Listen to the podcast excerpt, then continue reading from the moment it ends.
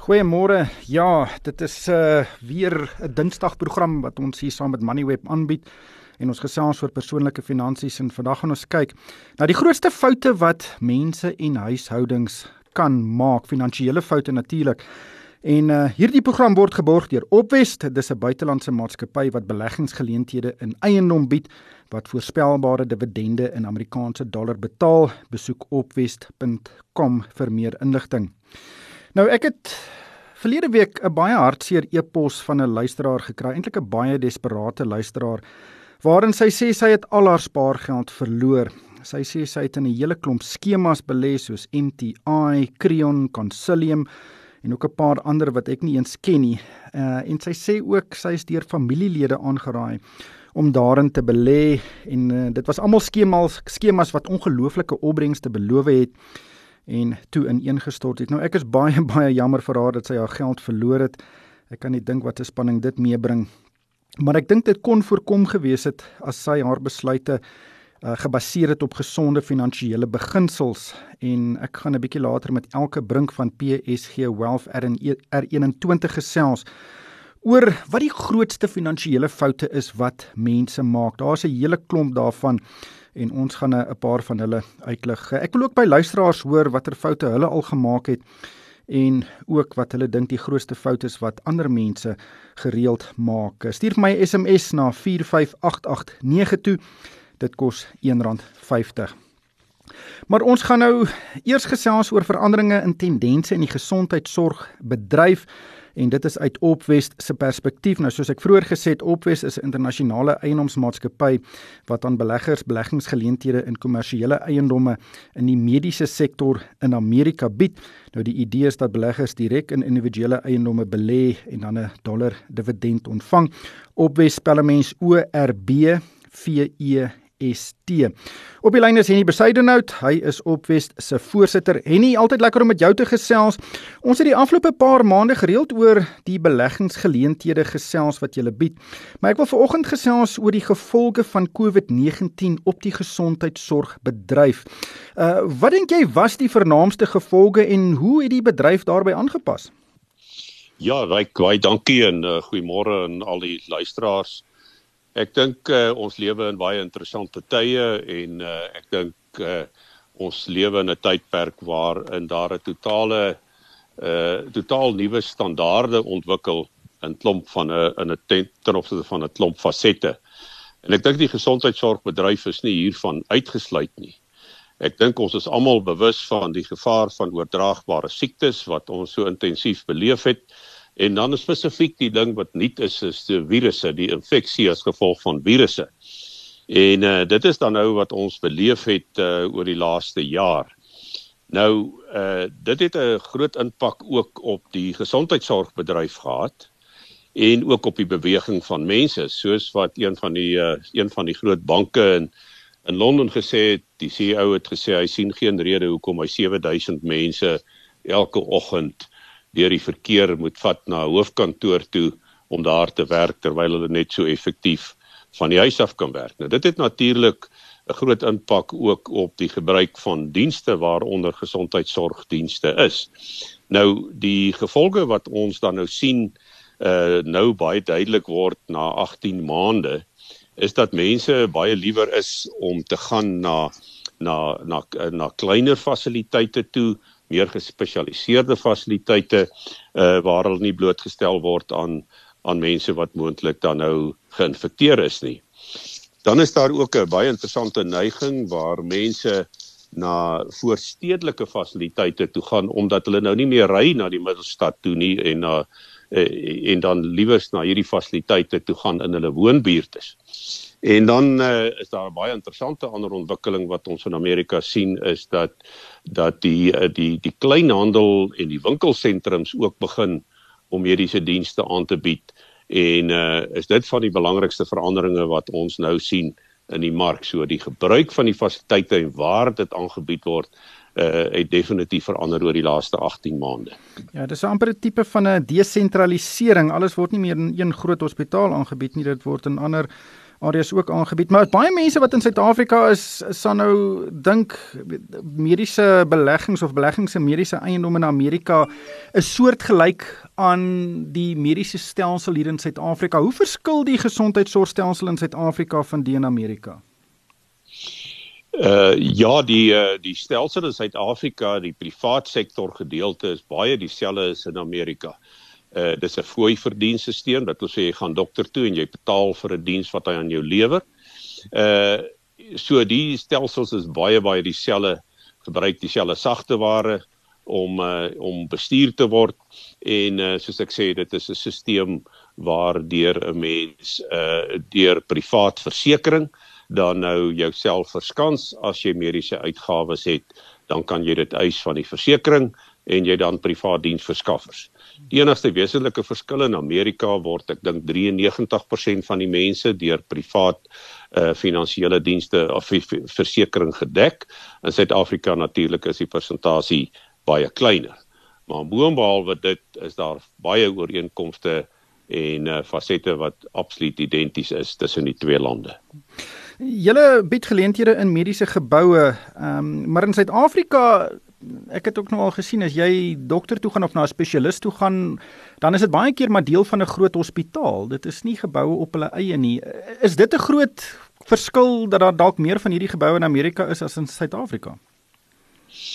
Ja, ek dink dit is uh dit is uh, definitief so. Die stelsel in Amerika is baie groter, baie meer gediversifiseerd en uh kry 'n mens dan dat uh, dat uh, hier baie meer van hierdie fasiliteite beskikbaar is. Maar dis ook maar 'n neiging in Suid-Afrika dat uh, daar al meer en meer fasiliteite is wat gedesentraliseer is. Wat wil sê nie op die kampus is nie, maar uh, verwyderd is van die hospitaal kampus en kry 'n mens baie meer van hierdie sentrums van uitnemendheid, kleiner mediese geboue uh waar dan nou uh, spesifieke gespesialiseerde dienste aangebied word en dit sluit in van jou algemene praktisyn wat in 'n groepspraktyk is regdeur tot uh van die ander fasiliteite wat radiologie, patologie en dis meer uh dan nou behels. Maar dink jy die gevolge van COVID-19 gaan die manier hoe die mediese bedryf funksioneer wesentlik verander? uh definitief uh, uh ryk. Ek dink wat ons baie duidelik begin sien is 'n paar neigings wat in die mark ontstaan. En die eerste ding of die belangrikste een daarvan wat ek graag 'n bietjie wil toelig vir môre uh is die virtuele dienste. Nou as ons gaan kyk na die groot tegnologie maatskappye, ons noem dit FAMCA, dis nou Facebook, Amazon, Google en Apple, dan het hulle net in 2020 3 triljoen rand belê in nuwe besighede wat uh, in die mediese veld uh speel uh en dienste lewer en uh dit is hoofsaaklik geneig gerig daarop op virtuele behandeling. Dit sluit in dinge soos uh telemedicine waar ek die dokter kan bel.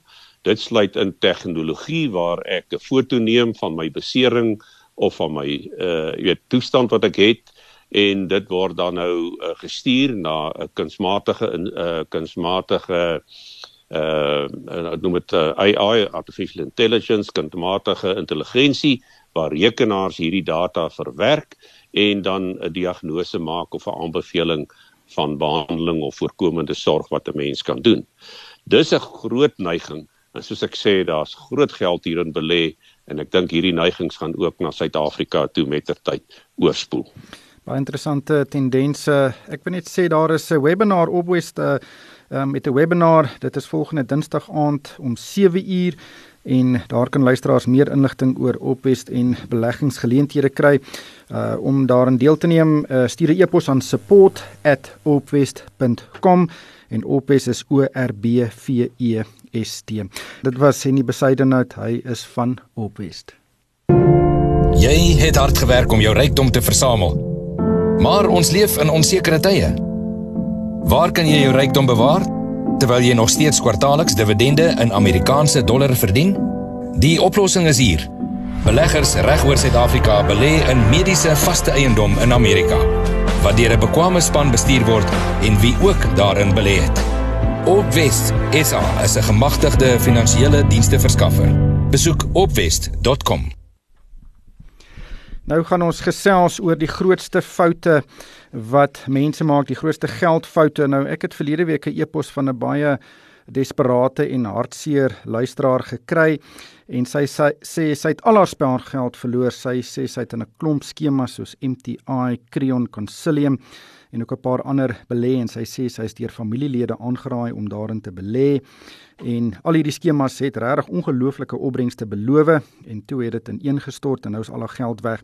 Nou ek is baie jammer dat sy haar geld verloor het. Ek dink uh, dit is uh, eintlik baie mense se grootste nagmerrie. Maar aan die ander kant, as mense uh, besluite op gesonde finansiële beginsels baseer, dan behoort hierdie dinge regtig nie te gebeur nie. Nou vanoggend gaan ek gesels uh, met Elke Brinkhuis van PSG Wealth R21 oor hierdie oor die grootste foute wat mense maak. Ek sien net hier reeds 'n hele paar mense SMS'e deurgestuur om te sê watter foute hulle al gemaak het. Ehm um, maar ek gaan nou nou daarna uh, verwys. Elke uh, baie welkom by die program. Kom ons begin net by die luisteraar se groot fout en dit is om in ongereguleerde produkte te belê en baie van hierdie produkte eintlik meeste van hulle ehm um, beloof onrealistiese opbrengste. Daardie dis goed te goed om waar te wees tipe van opbrengste. Maar ek moet onmiddellik byvoeg ek het al ook hierdie fout gemaak baie baie jare gelede. Ehm um, en dit was daarom nie baie geld wat ek uh, verloor het in die proses nie, maar dit was vir my 'n ongelooflike leerkurwe dat uh baie mense kan goed beloof om jou geld te kry, maar indien dit uh maar dit gaan in trane eindig meeste van die kere. Hoe hoe, hoe sien jy hierdie tipe van beleggings en mense se gedrag om daarin te belê? Dankie Ryk, dankie vir die geleentheid. Ehm um, ja, dit is baie hartseer wanneer mense dit sien in realiteit en ek dink ongelukkig gebeur dit met baie mense wat verkeerde finansiële besluite geneem word in terme van ehm um, waarin mense jou jou fondse belê. En ek dink daar's al soveel stories eintlik in ons land waarna mense kan verwys van 'n Shaymax en soveel geskiedenis wat al eintlik hier gebeur het en ek dink dit kom eersins terug na wat jy genoem het. Dis baie belangrik om seker te maak die die beleggingskeuses wat jy uitoefen word gereguleer.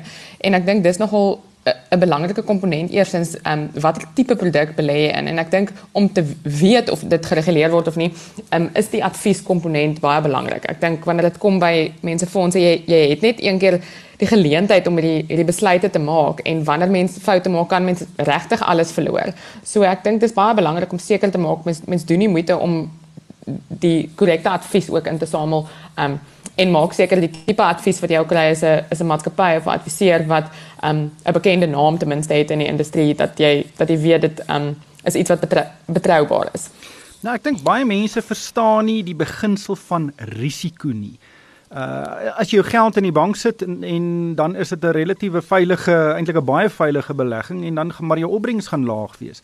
En die oomblik as daardie opbrengs begin hoër raak eh, wat mense vir jou bied of instellings vir jou bied, dan styg die risiko. Byvoorbeeld as jy in aandele belê, is die risiko klaar hoër.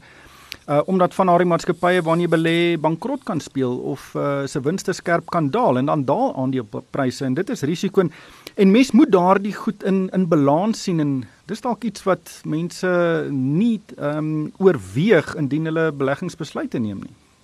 Definitief. Ek dink um, om risiko te definieer is een van die belangrikste um beginsels as dit kom by by jou beleggingsportefeulje en ek dink dis hoekom diversifikasie so belangrik is. Dis juist omdat daar verskillende gedragspatrone en maar eintlik is van verskillende bateklasse. Um ek dink soos wat jy noem, kontant het definitief 'n veilige komponent, maar ek sien 'n 100% kontant belegging ook as 'n risiko want jy gaan nie eers by inflasie tred hou nie. Maar wanneer mense in aandeleblootstelling belê, moet jy weet daar gaan volatiliteit en risiko betrokke wees. So da, om daai kombinasie reg te kry tussen um, op 'n korter termyn meer konservatiewe fondse of konservatiewe bateklasse in te bou sodat jy ook die risiko verstaan in jou portefeulje oor die langer termyn want dis eintlik maar effektiewelik wat gebeur is wanneer daar dan 'n marksiklus is en iemand onttrek hulle fondse wanneer daar 'n afwaartse kurwe byvoorbeeld is, dan realiseer jy eintlik maar eers jou jou verliese of jy, jy realiseer jy jou risiko's. En dis wanneer mense alles verloor, waar dit nie nodig is as jy net 'n meer gediversifiseerde benadering gevolg het nie.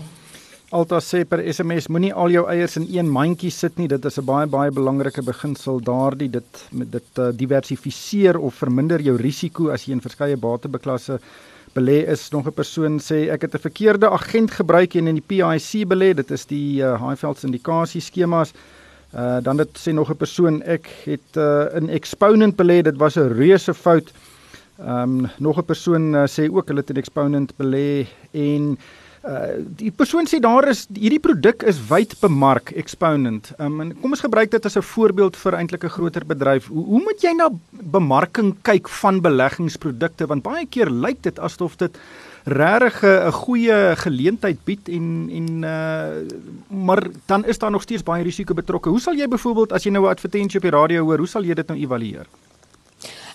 Twee komponente. Ek dink die eerste komponent sal ek sê is definitief die individu se verantwoordelikheid om om 'n bietjie kennis op te doen van wat is die norm, ehm um, wat in die industrie moontlik is. En ek dink al is dit om Moneyweb te lees en RSG te luister en te verstaan wat doen 'n gemiddelde fonds waarna jy kan belê. Ek dink mens moet altyd kyk wat is die die mandaat wat mense nou eintlik dit kan vergelyk. As dit nou is dit nou die mark of is dit die Amerikaanse mark of is dit kontant of um, en om ek dink dis 'n goeie beginpunt eersins. As 'n belegging vir jou beloof om vir jou 'n 20 of 'n 30% opbrengs te gee, maar die mark gee 10 of 12, dan moet jy klaar weet dit is hoogs onwaarskynlik wil ek amper sê. So ek dink om eers te weet wat is die norm daar, daar buite wanneer dit kom by verskillende bateklasse. Um, en dan tweedens dink ek dit kom weer terug by 'n by 'n advieskomponent. Ek dink dis belangrik om om miskien selfs 'n paar verskillende opinies te kry by professionele batebestuurders om seker te maak hoe word die maatskappy gesien, wat is die die moontlike risiko's daar rondom, wat is Ehm um, ja, ek sal sê wat is 'n 'n groot batebestuurder se opinie oor 'n spesifieke beleggingsopsie? Ja, en om jou huiswerk te doen, ek weet byvoorbeeld Exponent het uh voorkeur aandele uitgereik waar mense vaste inkomste kan kry, maar daardie inkomste wat Exponent verdien het om hierdie uh bedrag uit te betaal was gebaseer op mikrolenings. Um 'n baie riskante bedryf. Um so ja. ek dink 'n bietjie huiswerk wat mense kan doen kan kan 'n uh, baie pyn um uh weet vir my. Maar wat ja, wat weer ons hmm. ja. Ek dink om te verstaan waar mense belê. Ek dink dis die eerste ding wat ook weer terugkom na dit toe. As jy nie regtig die aard van die besigheid verstaan of regtig verstaan, um, hoe hulle hulle geld maak nie, moet mens versigtig wees. Nog 'n groot fout is iets dat wat baie mense doen en, en dis eintlik ongelukkig en dit is as hulle van werk verander dan uh, onttrek hulle hulle pensioengeld. En dit kan 'n ja. baie baie duur fout wees. Uh, wat is jou siening daaroor? Ja, ons sien dit ongelukkig gereeld en veral um, met jonger mense. Elke keer as jy jou loopbaan basies verander of van werkgewer verander, het jy tegnies die keuse om toegang te kry tot jou aftreefonds en ongelukkig doen baie mense dit en baie keer meer as een keer in hulle lewenstyd. Onttrek hulle hulle af, aftreefonds. Eerstens is daar belastingimplikasies en tweedens begin jy elke keer eintlik maar jou jou aftreedevoorsiening van vooraf en net met 'n korter beleggingstydperk. So as jy op 40 of 50 nog toegang kry tot jou aftreefonds en om dink jy gaan in 15 jaar dit kan terugbou is dit baie onwaarskynlik. So ek dink dis nogals hartseer om te sien, ehm um, waar jy het altyd die opsie as jy van werkgewer verander om jou aftreefonds of te skuif na jou persoonlike kapasiteit toe en dit te bewaar in jou eie kapasiteit of in sekere gevalle om dit oor te skuif na jou nuwe werkgewer se aftreefonds toe. Maar ek sal sê dis een van die belangrikste goed om elke keer net jou fondse te herbelê en en regtig te baat by dat jy jou volle werkstermyn in jou lewe gespaar het vir aftrede. 'n Fout wat ek ook sien baie mense maak is dat mense sal baie maklik duisende rande betaal om hulle motor te verseker en om hulle huis se inhoud te verseker, maar hulle mense verseker nie hulle belangrikste bate nie. En jou belangrikste bate is jou vermoë om 'n inkomste te verdien. En as enige persoon of 'n huishouding afhanklikes het, kinders of ander afhanklikes, dan gaan hierdie mense en hulle verseker nie hulle lewens nie. En indien dit kan gebeur, dan kan jy ook vir jouself baie baie pyn spaar in die toekoms en nie net vir jou nie, maar ook vir jou afhanklikes. Definitief, ek dink dit is een van die belangrikste komponente en ek dink veral met jonger mense, ehm um, ervaar ek nogal baie dat hulle dink daar gaan nooit iets met hulle gebeur nie. En ek dink dis 'n baie naïewe denkwyse wat baie van ons het ehm um, wanneer dit kom om onsself te verseker. So ek dink om dit te verstaan, dit vervang letterlik jou inkomste indien enigiets siekte of ongeskiktheid moet gebeur dat jy nie kan werk nie en jy jou familie en jou afhanklik is gaan basies tot en met jou aftrede ouderdom jou inkomste kan um, ontvang. So ek dink dis baie belangrik en ek dink um, as dit nou een ding is wat ons in die laaste jaar gesien het, um, dis baie onvoorspelbaar wat mens kan siek maak of hoe mens kan seer kry of mens val van 'n bergfiets af of kom in 'n motorongeluk. Daar's soveel dinge wat buite ons hande is wat kan beïnvloed dat jy nie kan werk nie of dit nou op 'n tydelike basis of 'n permanente basis is. En dis baie belangrik om seker te maak jy maak voorsiening vir dit. Hier is 'n uh, Chris in Durban sê 'n baie interessante ding. Hy sê die beste raad wat ek vir enige iemand kan gee is moet nooit met vriende of pelle besigheid doen nie. Jy vat ook geen finansiële raad van hulle nie. Jy bly ook weg van mense wat sê ons mense moet saam staan en saamwerk. Ek het al baie duur lesse in my lewe geleer en ek dink dit uh dis baie duidelik jy moet na 'n professionele persoon toe gaan vir geldadvies. Definitief. Ek dink dit raak aan by die aanvanklike ehm um, e-pos wat jy gekry het. Ek dink in baie gevalle is dit vriende of kennisse of rondom 'n braaivleisvuur wat mense advies ontvang van iets wat lyk na 'n goeie idee. Ek dink dit is baie belangrik om om professionele advies te ontvang en ek dink dit maak mense lewe ook net baie um ongekompliseerd. Ek dink wanneer dit kom by om met vriende of familie besigheid te doen, dit daar's altyd spasie vir risiko in terme van nie net 'n verhouding nie, maar ook in terme van um ontvang jy regtig die die regte um aanbevelings vir jou situasie oor wat om te doen en het daardie persoon regtig die finansiële kennis om om hierdie aanbevelings te maak. Ek het alself om 'n braaivleisvuur gestaan met 'n uh met 'n bier in die hand en dan hoor ek net ja jy kan 15% uh, opbrengs kry in 'n maand en dit is veilig. Uh, moenie bekommerd wees nie. Ek doen dit reeds. Ek kry re baie geld. En dan dink jy by jouself jene dit klink nie te sleg nie Maar eh, die die risiko's daarvan is ja. eintlik ongelooflik en as dit te goed is om waar te wees dan is dit jou beste oplossing is 'n goed gediversifiseerde portefeulje in verskillende bateklasse en hoe jonger jy is hoe meer blootstelling kan jy dalk aan aandele hê. Definitief en ek dink ehm um, alles kom altyd terug na die voordeel van tyd. Ek dink dit is belangrik om ehm um, betyds te begin spaar. Ek dink baie mense wag te lank en dan verloor jy 10 jaar van jou beleggingstermyn. En om seker te maak jy spaar genoeg ook wanneer dit kom by jou beleggingsprodukte in, in verhouding met wat jou inkomste is, is dit belangrik dat jy seker maak wat is die persentasie wat jy moet spaar. Dit help nie uit 'n perfekte beleggingsportefeulje maar jou jou bydraes is te min nie. En dan natuurlik sal dit by jou aan dit met 'n baie goed gediversifiseerde portefeulje in terme van bateklasse wees sodat jy seker is jy jy diversifiseer reg um, met bateklasse wat nie gekorreleer is nie. So maak nie saak wat in die wêreld gebeur nie dat jou portefeulje veilig is. Dis baie interessant. Hier's ook 'n hele paar mense wat verwys na individue wat hulle raad gegee het en hulle noem hulle agente. Hulle noem hulle ehm um, vriende, as ek nou so vinnig kyk, ehm um, sogenaamde finansiële spesialiste is hier ook. Uh, maar ek by wie wat is 'n 'n professionele finansiële raadgewer? As jy nou iemand gaan soek om jou raad te gee, wat waarna moet jy kyk om seker te maak die persoon is goed opgelei en weet wat hy of sy doen?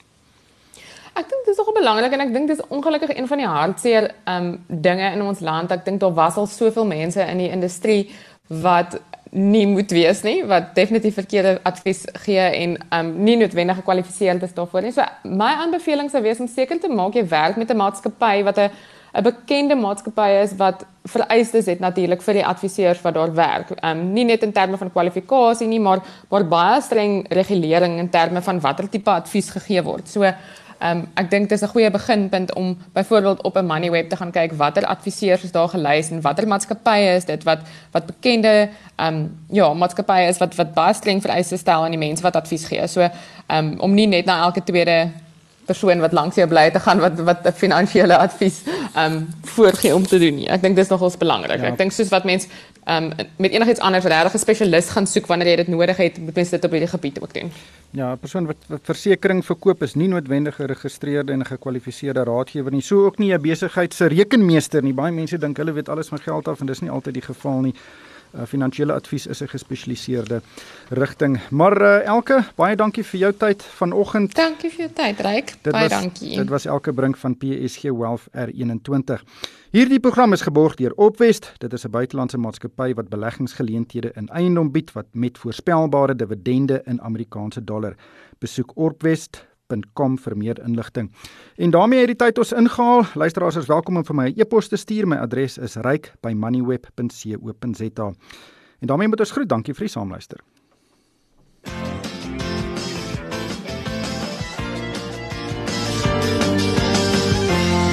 Jo, mens leer hom altyd iets op RSG, né? Dankie Ryk en jou gaste. Dit is so 4 minute voor 12 tot sins van my kant aan môre. Dit was 'n